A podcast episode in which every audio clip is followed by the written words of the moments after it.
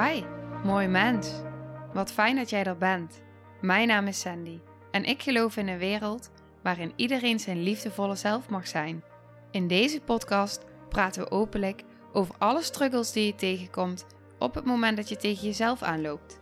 Vanuit mijn kennis en ervaring deel ik levenslessen en geef ik je inspiratie hoe jij vanuit pijn en angst weer voor liefde en vertrouwen kunt kiezen, zodat jij, dwars door het donker, de weg terug kunt vinden naar het licht in jezelf. Welkom bij de Liefdevolle Strijder Podcast.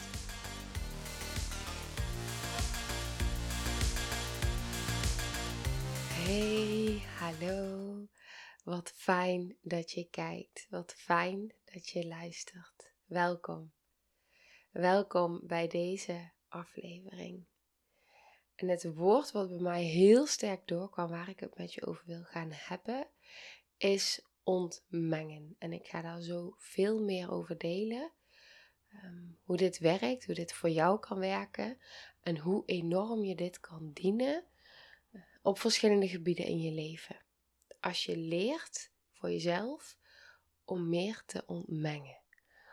En ik heb, ik, ik, de inspiratie, de inspiratie komt omdat ik een tijdje geleden in december een mailtje kreeg wat mij heel erg raakte. Toen heb ik aan haar gevraagd: mag ik dit delen op de podcast? Omdat het zo kwetsbaar is, ook al deel ik het anoniem, check of het oké is. Nou, dat was oké. Dus die hing nog ergens dat ik dacht: daar wil ik een keer iets over delen. En zojuist kwam die weer naar voren en dacht ik: oké, ik ga het mailtje even teruglezen en uh, voelen nou ja, wat dat met me doet. En wat bijzonder was, was ik las het mailtje en toen zag ik dat ik ook nog een mailtje had ontvangen deze week van iemand anders. En op een of andere manier, ook al staat het totaal niet in uh, vergelijking met elkaar, toch uh, kwam dit woord naar boven. En dacht ik, hier ga ik iets over delen. Ik heb, betreft het stuk ontmengen, dadelijk krijg je wel wat inzicht in wat ik daarmee bedoel. Daar heb ik een hele module over opgenomen in het online traject. Hoe kun je dit voor jezelf gaan doen? Hoe kun je dit nou echt gaan leren en masteren? En je gaat dadelijk, denk ik, voelen als dit iets voor je kan betekenen, waarom dat zo belangrijk kan zijn. Oké, voor ik dat ga doen, wil ik iets anders met je delen. Even praktisch, want ik krijg best wel wat vragen momenteel. En ik dacht, nou, wellicht heb jij die vraag ook. En dan is het fijn als ik hem hier beantwoord. Ehm, de eerste vraag is, ik krijg heel veel vragen of, het, of er nog plekken zijn voor het retreat in maart in Nederland. Uh, nee, het retreat in maart zit vol. Maar als je interesse hebt, um, laat het me vooral weten. Want ik ben dus nu momenteel een soort van lijst aan het opstellen. Ook naar aanleiding van alle gesprekken die ik heb gehad met mensen die uh, interesse hadden, maar om de een of andere reden net op dat moment uh, niet konden. Of graag in Spanje erbij willen zijn. Die heb ik op de wachtlijst gezet. En op het moment dat ik dadelijk dus um, nou, terug ben van mijn zwangerschapsverlof en dit ook weer ga opstarten, dat zal einde van het jaar zijn, begin volgend jaar. Ehm, dan zie ik ook voor me dat het vaker gaat plaatsvinden. En dat je dan dus niet een jaar hoeft te wachten, maar dat het dan dus uh, structureler zal plaatsvinden. Dat, dat voel ik op de een of andere manier. En dat zal zowel in Spanje zijn als in Nederland. Uh, ik ben ook van plan om, uh, naast het feit dat we dus in Spanje willen gaan wonen, ook uh, meerdere keren per jaar hier in Nederland terug te komen voor een aantal weken. En uh, dan ook retreats hier te kunnen geven. Omdat ik ook voel dat het voor sommige mensen fijner is als het hier is. Terwijl ik ook voel hoeveel het betekent als het daar is. Um, ja, het is maar net wat resoneert en wat past in de situatie bij de persoon. Dus um, kan en en zijn. Denk ik in zoveel dingen altijd. Mag het en en zijn? Ja, het mag en en zijn. Nou, ik heb ook benoemd dat ik uh, erover aan het voelen was en uh, ook daarover nadacht om eventueel een tweede retreat nog te doen, nu in de winter. En ik heb daar wel een duidelijk antwoord in gekregen.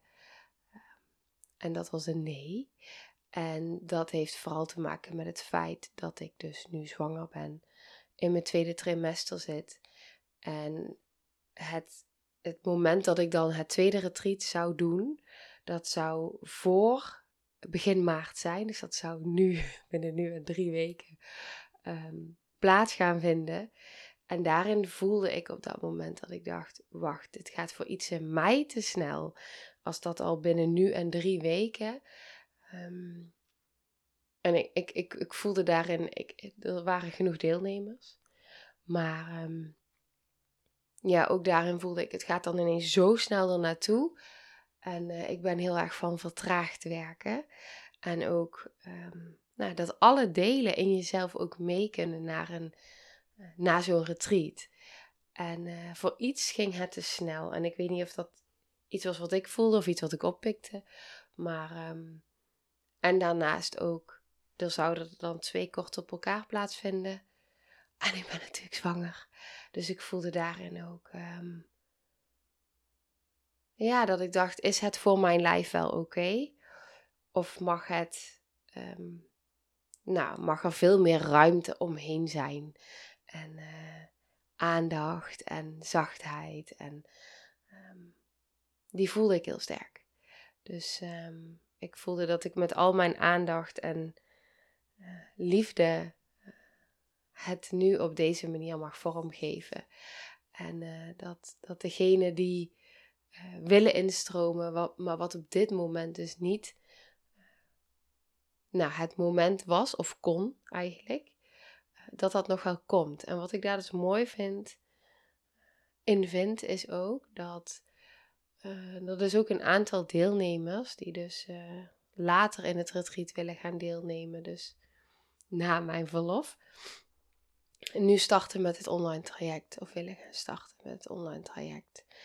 En daarover gesproken, want ik kreeg daar ook al een mailtje van, zag ik afgelopen week, of dat, uh, nou, diegene vroeg of dat ze op de wachtlijst stond. Ehm, als het goed is, krijg je een soort van bevestigingsmail van dat je bent ingeschreven voor die lijst. Dus als het goed is, maar goed, dat, misschien heb je die vraag ook, dus vandaar dat ik het even hier benoem. Um, maar ik ga in februari, en ik weet nog niet precies wanneer, maar ik ga een moment in februari, als je op die wachtlijst staat, ontvang je een mailtje. En op dat mailtje, uh, in dat mailtje staat uh, allerlei informatie, staan links. Um, en ga ik super toffe bonussen ook weggeven op het moment dat je dan wil instappen. Dus uh, dat komt. En ik wil daar echt een hele mooie uh, toffe actie van maken. Dat is wat ik voel, want er staan nog mensen al een tijdje op de wachtlijst. Dus op het moment dat je daar, uh, dat je daarop staat, dan weet dan dat je in februari een mailtje kan gaan verwachten met een hele toffe actie en bonussen waarschijnlijk zelfs. Dus um, ja, wordt vervolgd. Oké, genoeg. Um, de zaak is praktisch aflevering van vandaag. Ik heb dus een uh, mailtje ontvangen. En ik ga dat mailtje voorlezen. Het raakte me heel diep toen ik het las. Ik heb het meerdere keren overgelezen. En ik ga het aan voorlezen. Beste Sandy, onlangs ontdekte ik toevallig de podcast De Liefdevolle Strijder en heb ik naar enkele afleveringen geluisterd. Maar geen enkele aflevering heeft me zo diep geraakt als die over de gedachte aan zelfdoding. Zolang als ik me herinner, heb ik deze gedachte al. En wat me ervan weerhouden heeft twee redenen. Ik heb niet het 100% garantiemiddel en ik vraag me af of ik dan in een volgend leven weer met dezelfde of nog erger problematiek moet dealen. Sinds twee jaar ben ik in behandeling voor complexe PTSS en DIS. bij een centrum gespecialiseerd in vroegkinderlijke trauma. De diagnoses en de behandeling maakt dat ik me eindelijk gehoord en gezien voel. Mijn leven is door de trauma's van vroeger, maar ook een groot trauma op volwassen leeftijd zo zwaar dat de gedachten aan eruit stappen vooral de laatste tijd heel erg aanwezig zijn. Ik ben in gedachten aan het opruimen en afronden en heb mijn laatste wensen genoteerd. Waar doe ik het allemaal nog voor? Dat denk ik elke dag. Maar toen ik deze podcast hoorde, kwam deze meteen binnen. Dit is ontmengen wat ze nu zegt. Oh, het is maar een deel van mij dat zo denkt. En ik merk dat het woordje maar. Um, ik kan me voorstellen dat op het moment dat je dit hoort, dat je dan denkt: ah, maar oké, ik zal delen wat er in mij gebeurt. Als ik hoor, oh, het is maar een deel van mij wat zo denkt. In dit geval zie ik dit als verlichtend, bevrijdend en zeer positief. Omdat het een deel is wat zo sterk aanwezig is geweest, uh, de overhand heeft en echt um, ja, iemand in staat is om uit het leven, iemand in staat brengt om uit het leven te stappen. Dus op het moment dat je dan kan gaan voelen van, oh wacht, het is maar een deel van mij, want er is nog zoveel meer van mij. Dat is hoe ik hem hier voel in dit berichtje. Waarom ik dat belangrijk vind om te benoemen, expliciet, is omdat um, we ook de delen, en dat doet zij absoluut niet, maar ik kan me voorstellen als je luistert en denkt, ja, hoezo maar een deel? Um, we, we, mogen ze bijna niet onderschatten hoe krachtig en sterk ze zijn. Dat is het. Maar het is ook, het is daarom zo waardevol dat op het moment dat je de hele tijd voelt hoe sterk en krachtig ze zijn, dat de delen dus zelfs zo sterk en krachtig kunnen zijn dat je uit het leven stapt. En je kan, krijgt dan de realisatie: hé, hey, wacht eens even. Het is een deel. Het is maar een deel. Er is nog zoveel meer. Oké, ik ben het niet helemaal. Dat dat klopte voelde ik meteen, zegt ze. Ook al zijn deze gedachten de laatste tijd heel veel aanwezig, en dat is precies ook dat hoe krachtig het dus is. En toen je vroeg hoe jong denk je dat dat deel is, kwam er meteen een antwoord. Heel, heel jong. Heel jong. Misschien zelfs al prenataal. Het begin in de baarmoeder was een en al stress.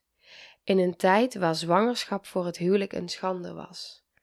Ook hierover heb ik je podcast geluisterd. Dat geruststellen van anderen is wat ik mijn hele leven aan doen ben. Want mensen kunnen er niet tegen.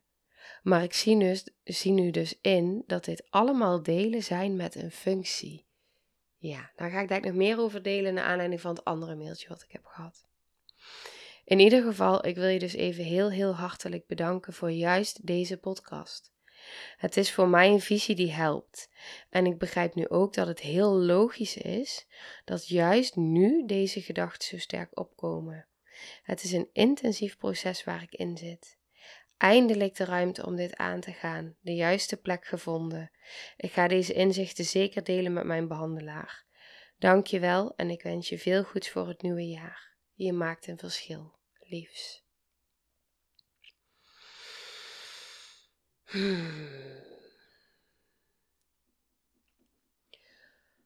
Waarom dit mij zo raakte, om heel veel redenen, maar wat ik voel dat ik hieruit op dit moment met je wil delen, is dat op het moment dat er dus delen van ons zo sterk zijn,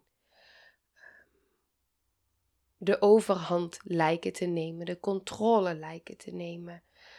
Ehm, en we steeds dieper wegzakken, dan wordt er soms vergeten door onze omgeving of eventueel een behandelaar of een therapeut.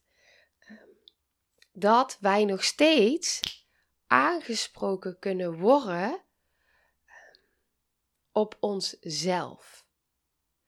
Waardoor wij weer in en met alles wat er is, hoe zwaar het ook is, hoeveel delen er ook op dat moment misschien volledig in verwarring, in paniek en in angst zijn, gedissocieerd zijn, op het moment dat wij blijvend worden aangesproken op onszelf, en dat kun je een beetje zien alsof we weer even die waarnemer worden. In plaats van dat we er middenin zitten, maar dat we weer even herinnerd worden aan wie we werkelijk zijn, dat we herinnerd worden aan onze eigen kracht. Dus dat het delen zijn in ons, die we niet mogen onderschatten, waar we heel veel aandacht en respect en liefde voor mogen hebben, die we willen zien, die we willen horen, die we willen erkennen, herkennen. En tegelijkertijd bewust zijn en blijven iemand die ons weer even in het hier en nu terughaalt en herinnert aan wie wij werkelijk zijn, hoe ontzettend veel dat kan betekenen. Want de trekkracht, wat ik vaker zeg ook in de afleveringen, de trekkracht van trauma, van die trauma delen, ehm, is enorm groot. En als er iemand is die ons kan helpen om te ontmengen, dit is ontmengen. Dit exact, dit voorbeeld, ik heb daar ook nog een voorbeeld, maar dit is exact een voorbeeld van het ontmengen. Het is een deel van mij.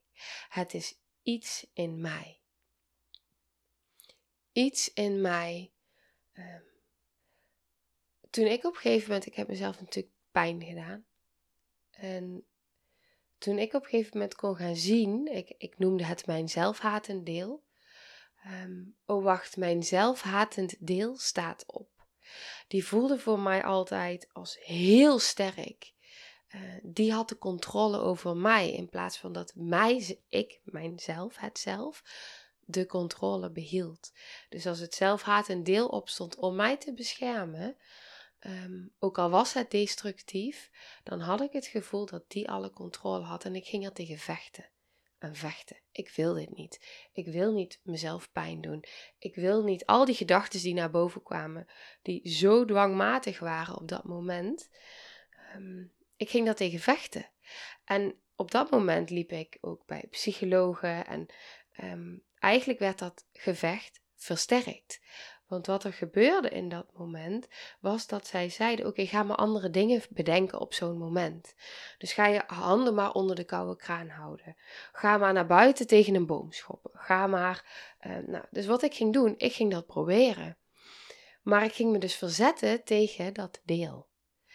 En um, ik wil niet dat je er bent. Ik wil dit niet. Ik wil dit niet. En nou, ik zat op een gegeven moment gewoon, um, omdat het zo sterk en krachtig was, shakend, trillend. Ja, echt. Ja, wat ik, daar, wat ik daarin voel is als bijna zo'n verslavende reactie. Ik moet nu. Um, want ik had het deel nog nodig om mezelf te kalmeren, om mezelf te reguleren. er was te weinig bedding van binnen. Er was te weinig houvast, er waren te weinig hulpbronnen, er was te weinig van binnen aan volwassenheid en veiligheid, regulatie. Het zijn allemaal dingen die in het online traject zitten. Um, module voor module voor module. Het was er te weinig wat mij hielp op dat moment om um, te kunnen ontmengen van dat deel. Dat was het. En als ik op dat moment had kunnen zien en voelen van, oh maar wacht, het is een deel in mij en wat voor behoefte heeft dat deel? Waarom staat dit deel nu op? Waarom wil dit deel mij beschermen? Um, hoe kan ik weer terug bij mezelf komen in mijn ware potentieel eigenlijk? En blijven waarnemen dat het een deel is. Zonder daarmee te hoeven vechten, want dat vergroot het gevoel dan kom ik in die weerstand, in die leidersweg, in het overleven, in plaats van dat ik weer even kan ademen, kan waarnemen, kan voelen en kan zien, oh wauw, er wordt nu zoveel in mij geraakt. Dit is zo kwetsbaar. Het is zoveel wat er nu is. Voor iets in mij voelt het zo overweldigend en zo pijnlijk dat ik kan zien dat dat deel, dat echt het ontmengen, nu opstaat. En ik weet, als geen ander, dat op het moment dat er zoveel dissociatie is van binnen en zoveel delen tegelijk opstaan, uh, met die kracht in de traumapool, um, hoe belangrijk het is om die basis te versterken van het reguleren en de bedding en de veiligheid van binnen. Oké. Nou, ik hoor dat de honden van de buren wakker zijn. Um, het is nog donker hier, dus ik hoop dat dit goed gaat. Um, ja, oké.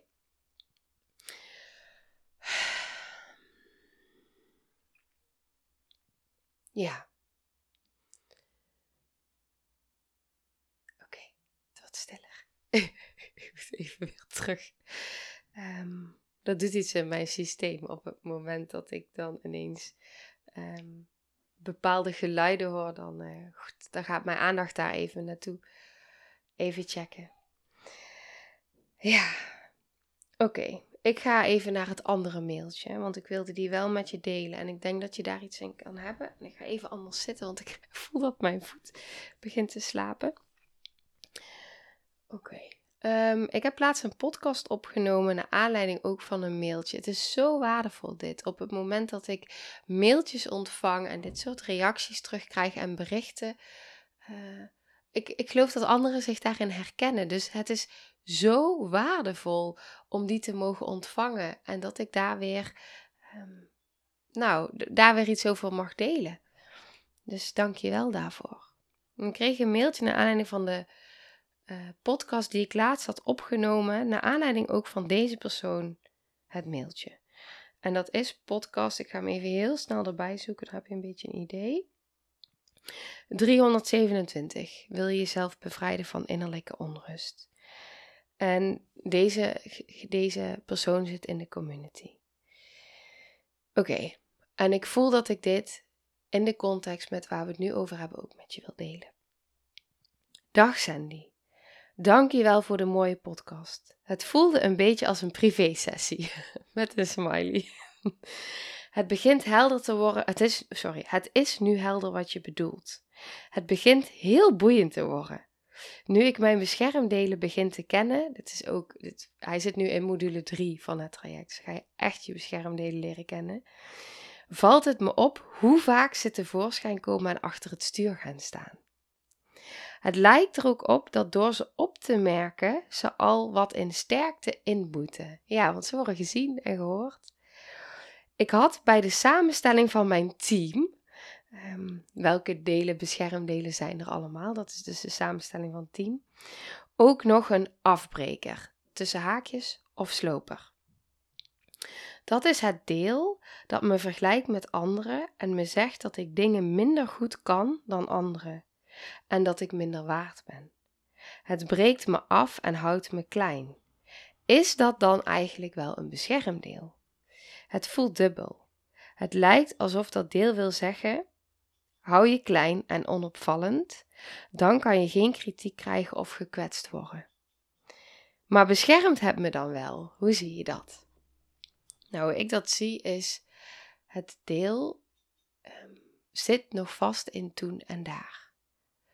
Dus het deel is ooit begonnen, heel jong waarschijnlijk, met deze overtuiging.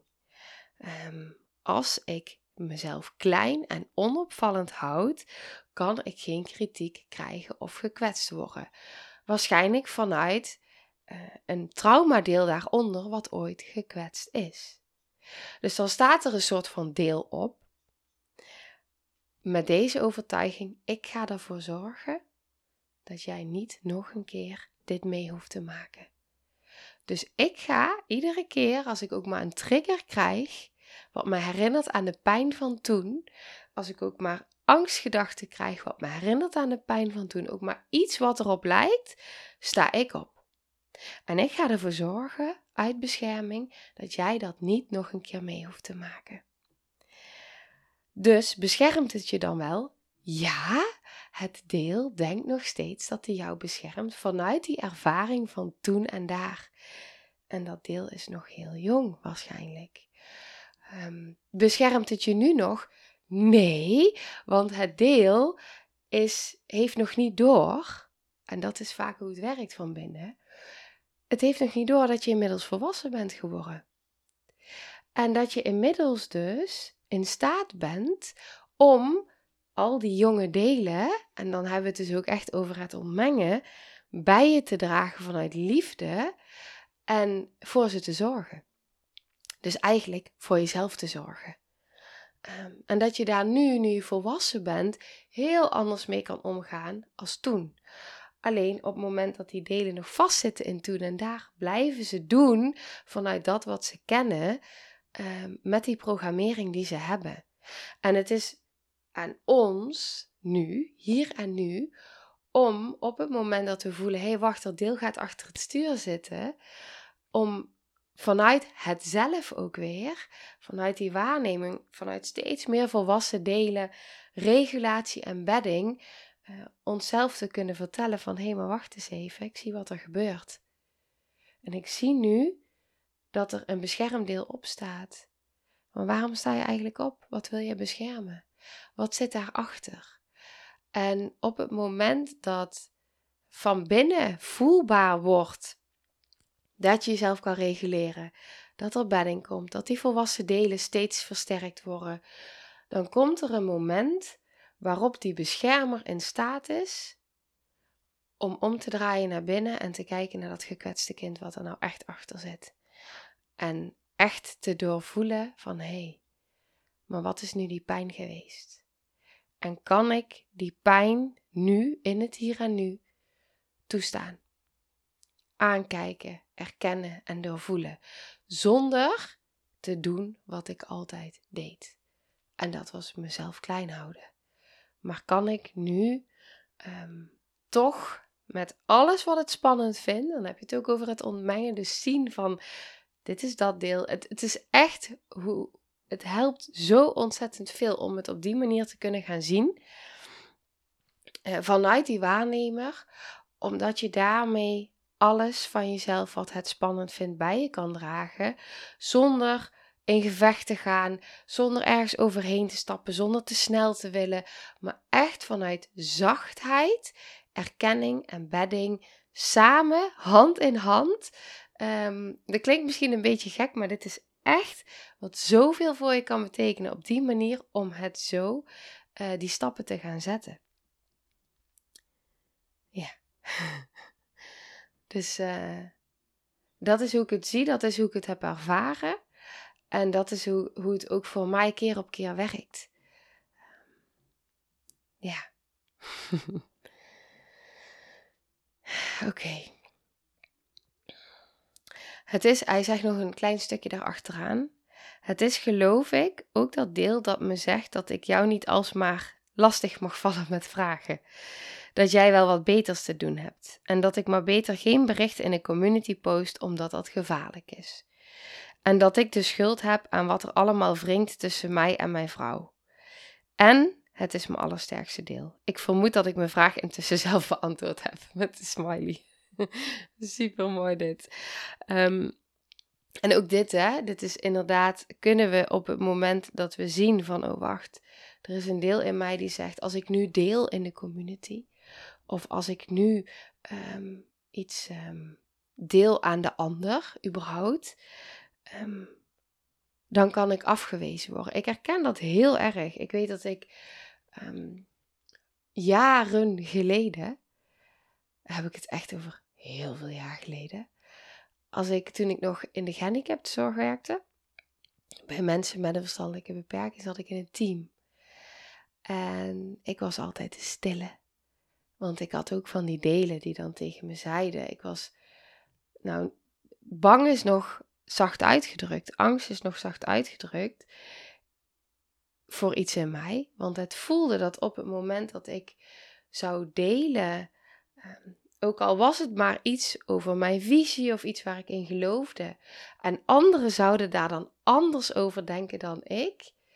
Ja, dan voelde het echt alsof ik. Uh... ja, dat ging echt over diepe, diepe, diepe doodsangst voor afwijzing. Niet goed genoeg zijn. Um, ik voelde me zo onveilig. Ik was zo bang. En ik weet nog wat ik toen heb gedaan, was als ik dan een teamvergadering had, dan sprak ik van tevoren met mezelf af, ik ga één zin zeggen. Eén zin. En als ik dan iets voelde wat ik wilde zeggen, dan ging er een proces in gang tussen al die delen. Oké, ik ga het zeggen. Ik ga het nu zeggen. En dan kreeg ik lichamelijke reacties. Dus dan begon ik te zweten en te trillen en mijn stem sloeg over en ik werd rood in mijn gezicht. En uiteindelijk kwam het er dan eindelijk uit.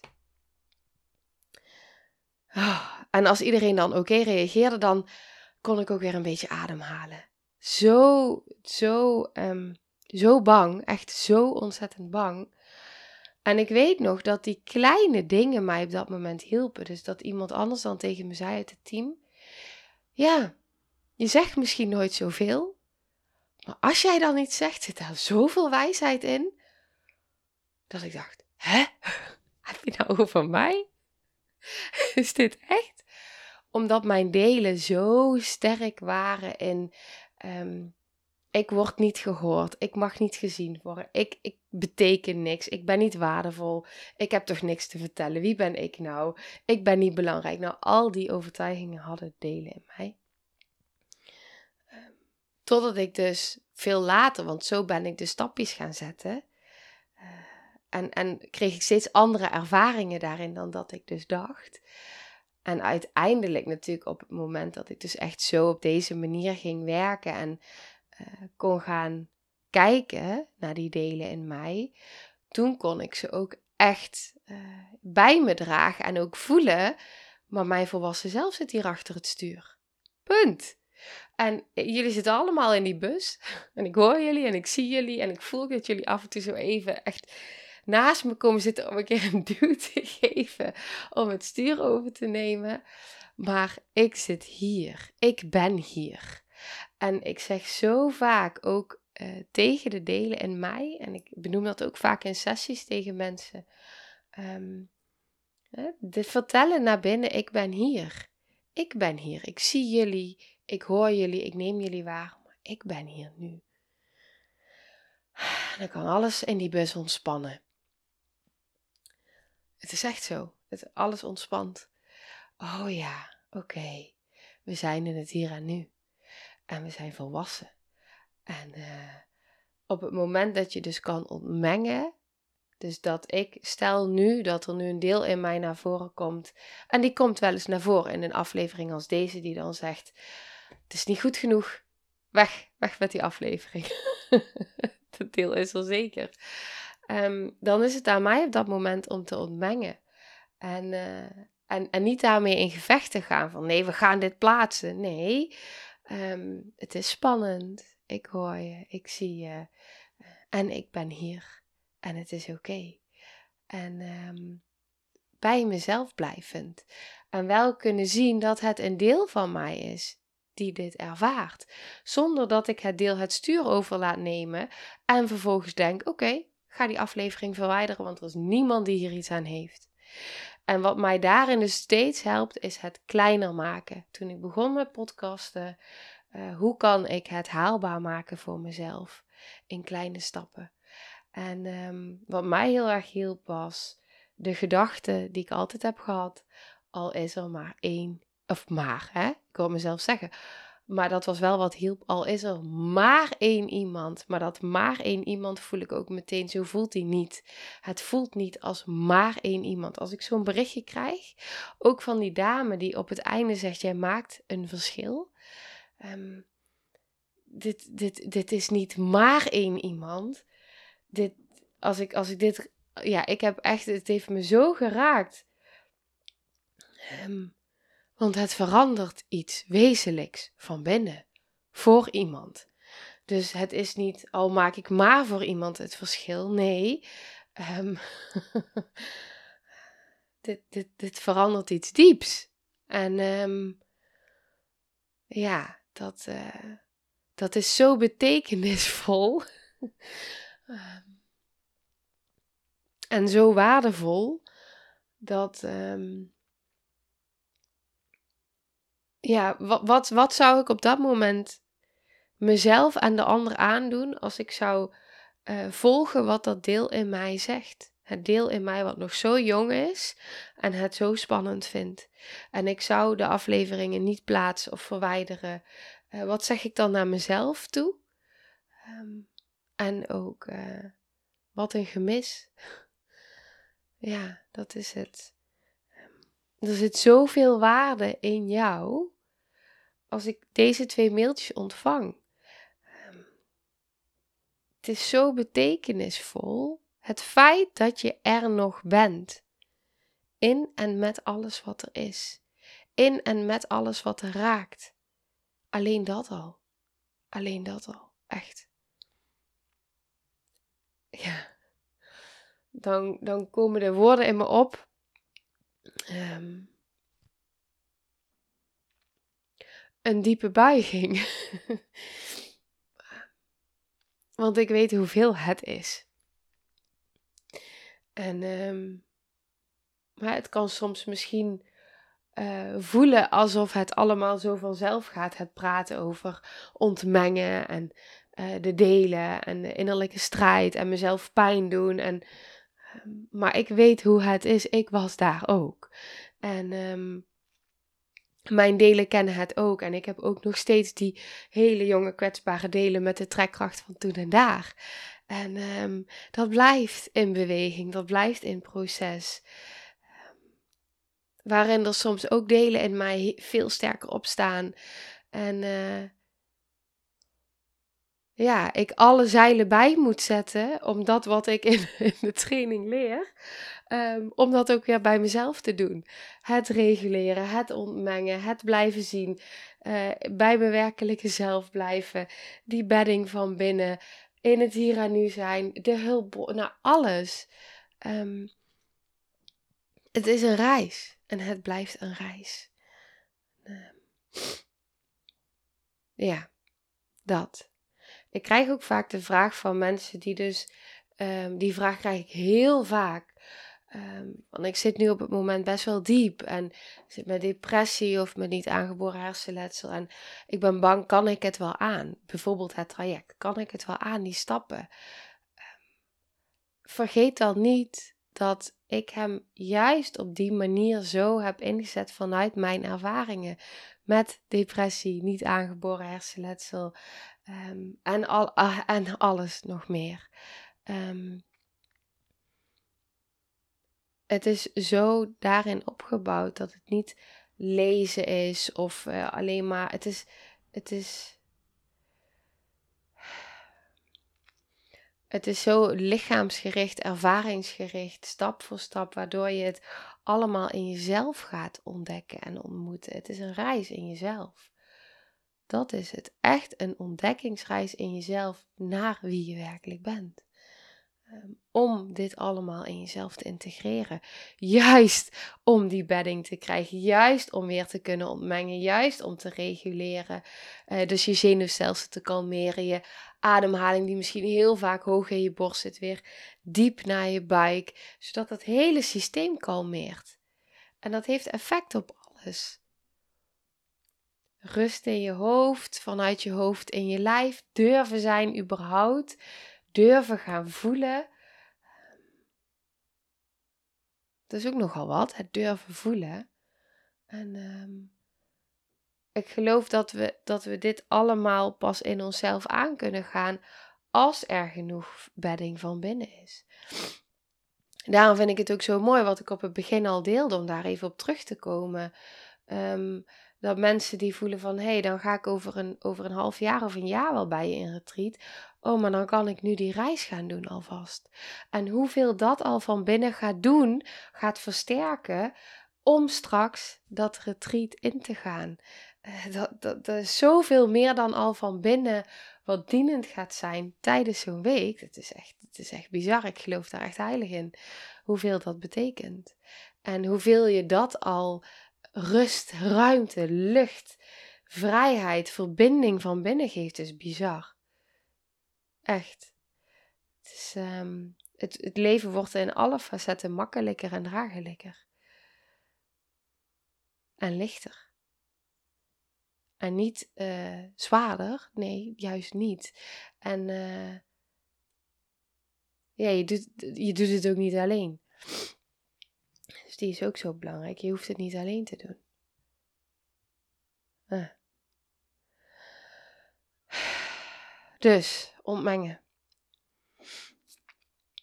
Hij is gewoon super belangrijk. ik, ik vind de voorbeelden in deze mailtjes zo waardevol um, om dit met je te delen. Om ook echt, nou ja, daarin ook mee te kunnen geven dat het durven en kunnen ontmengen en het kunnen gaan zien en aangesproken worden weer op je eigen kracht, hoeveel dat kan betekenen in je systeem. Zonder dat je daar hard voor hoeft te werken of zonder dat je daarvoor uh, tegen jezelf hoeft te gaan vechten of het moet nu anders. Nee.